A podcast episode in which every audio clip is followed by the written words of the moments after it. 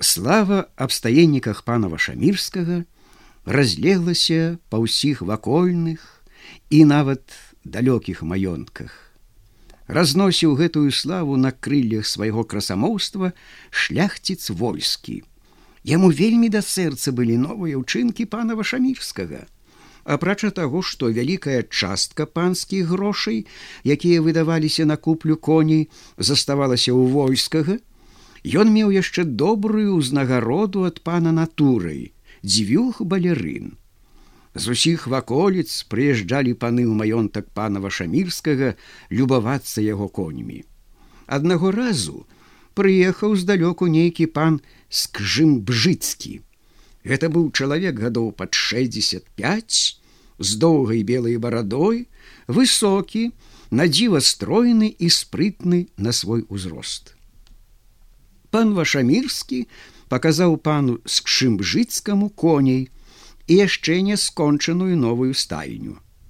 У старога пана вочы блішчэлі як у маладога, кожны раз, калі выводзілі са стайні на паказ новага коня. Відаць, пан шчымжыцкі быў вялікім знаўцам на коней. Кожнага коня аглядаў зноў да галавы, зблізку і здалёку, мацаў крыж, глядзеў капыты, зубы, беспамылкова характарызаваў коня. Як толькі разгляне на яго, гаварыў цэлыя прамовы аб харастве коня, аб яго хадзе, хваліў пана вашамірскага за яго новыя ідэі і за іншыя дабрачыннасці. Калісьці, казаў пан скшымжыцкі, і мой бацька быў аматарам на добрых коней, але да такіх коней як у пана было яму далёка. Кампліменты старога пана былі вельмі даспадобы пану вашамірскаму і сімпатыя да госця расла ў яго з кожнай хвілінай. Пасля обеду пан вашамірскі прапанаваў пану скшымжыцкаму пакатацца конна на адным з лепшых сваіх жарабкоў Але можа ласкавы пане па старасці пану больш пажадана на лёгкай брыцы праехацца запытаўся пан вашамірскі. Ды я з панам яшчэ кон набяруся ў выперадкі. Скрыпучым старэчым смехам кашляючы прагаварыў панскшым жыцкі калісьці я быў на гэта ахвотнікам. Слова гонару пану можна пазайздросціць калі так. Аднак жа думаю что пан чымжыцкі со мною не справіцца не ведаю. Паспрабуем калісьці справіўся б прасадзіў праз белую бараду пан скшымжыцкі і моцна закашляўся эт калісьці гаварыў гость далей дрыжачым ад старасці голасам і я быў адным з першых наезнікаў гады гады гость глыбока ўздыхнуў наставіў засмучаныя вочы ўдаль і ўвайшоў ва ўспаміны пан вашамірскі з шчырым спачуваннем зірнуў на пана скшымжыцкага слова калісьці кранула самыя чулыя струны яго душы Ён успомніў свайго дзеда з такой жа барадой, з такім жа калісьці. Вось як бы той з магілы падняўся.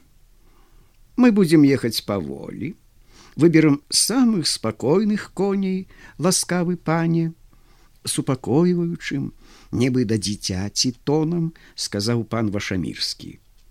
Госць доўга разважаў, пасля махнуў дрыжачай рукой, смешна тупнуў ногой і адважыўся. Калі на тое пайшло, пане вашамірскі, дык няхай ужо будуць коні самага лепшага гатунку. Стары вол баразны не псуе. Калісьці і я быў не з апошніх малайцоў. Па загаду пана вашамірскага конюхі асядлалі двух коней. Стаеннікі білі капытамі зямлю, стрыглі вушамі, чакаючы паноў. Спрытна ўскочыў на коня пан вашамірскі. Ён сядзеў на тлустым віхоры, так зваўся конь, лёгка і зграбна. нібы воўтанец пусціцца.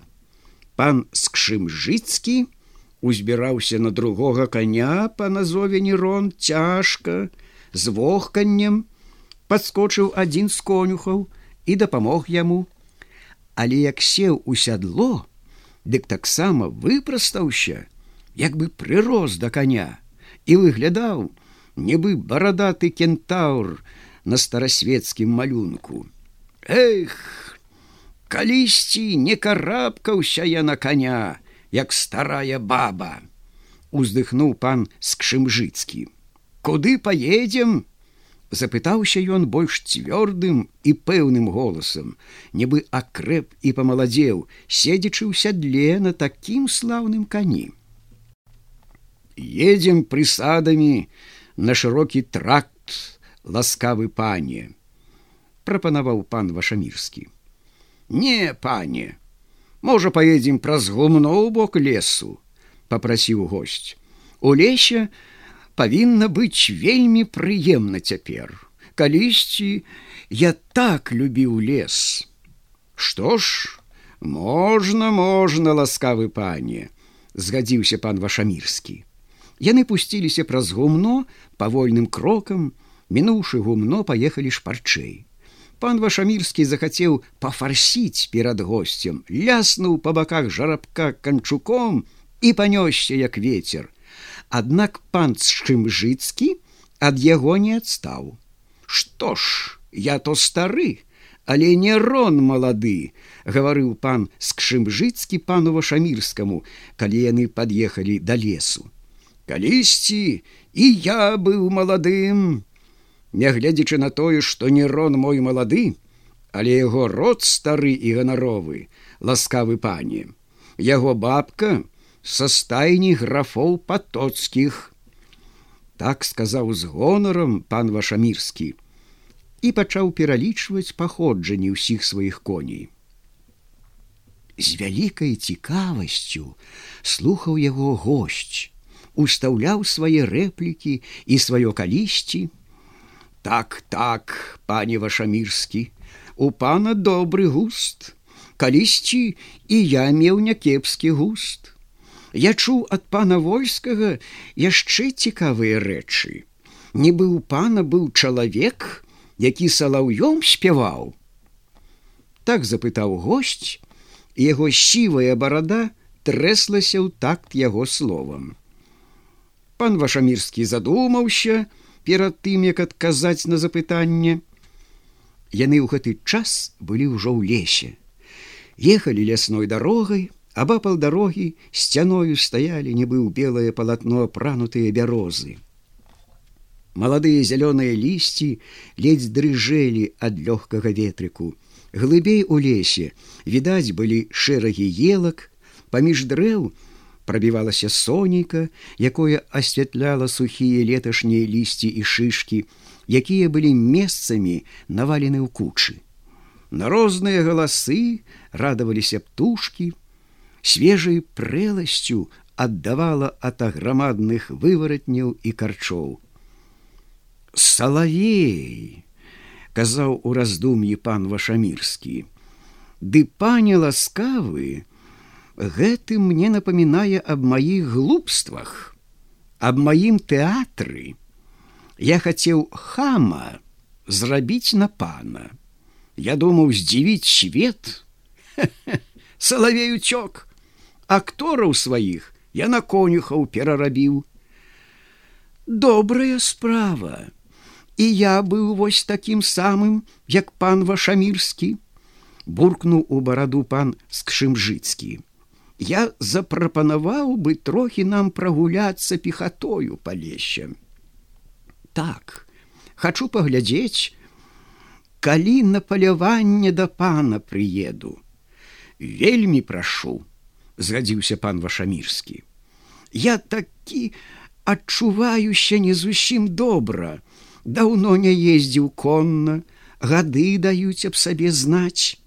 Калісьці не быў такім трухлявым. Пан вашамірскі спрытна саскочыў з коня і подбег да госця, каб дапамагчы яму злезці. Якраз мой дзед, падумаў пан вашамірскі і ў яго з кожнай хвілінай расла ўсё большая чуласць да пана з кшымжыцкага. Яны прывязалі коней да пня. А я ведаю панскага салаўя, сказаў раптам пан скшымжыцкі жартаўлівым голасам. Ён быў у маім маёнтку і свістаў салаўём. О, ласкавы пане! здзівіўся пан вашамірскі. Я нават і свістаць ад яго навучыўся. Калісьці і я любіў вясёлыя жарты, люблю цяпер пажартаваць. Нягледзячы, што гэта калісьці ставіла мяжу паміж старым і маладым, аднак пан вашамірскі пачуў да яго блізкасць. Пан скшымжыцкі пачаў свістаць салаўём. Водгаласкі пайшлі па лесе. Пан вашамірскі выставіў на яго пару здзіўленых вачэй і глядзеў як зачараваны. Дык няхай пан вашамірскі не дзівіцца, сказаў пан скшымжыцкі і сарваў сябе бараду і парык з галавы. Бачыце, акторы з панскай студыі, якія нядаўна ўцяклі ад пана, прынеслі мне парык і грым. Я грыміраваўся пад панскага дзеда. Я вельмі добра памятаю яго. Перад панам вашамірскім стаяў яго ранейшы салавей пан вашамірскі пабляднеў зуб аб зуб ляпаў пан быў такі спалоханы што нават не супраціўляўся калі салавей прывязаў яго да дрэва моцнай вяроўкай яна была схавана ў салаўя за пазухай. Можа цяпер пан вашамірскі свісне салаўём? А можа ваўком завые? А калі пан не хоча дык Салавей пачаў дубасіць пана вашамірскага, пад чым папала канчуком, прыгаворваючы: « Вось гэта табе, ясна вяльможны пане, за тэатр, Вось гэта за лупцоўку цяперашніх конюхаў, ранейшых актораў, Вось гэта табе, за зоську, Вось гэта за здзекі над прыгоннымі, Вось гэта! Салавей пералічыў усе панскія грахі, много разоў паўтараў вось гэта.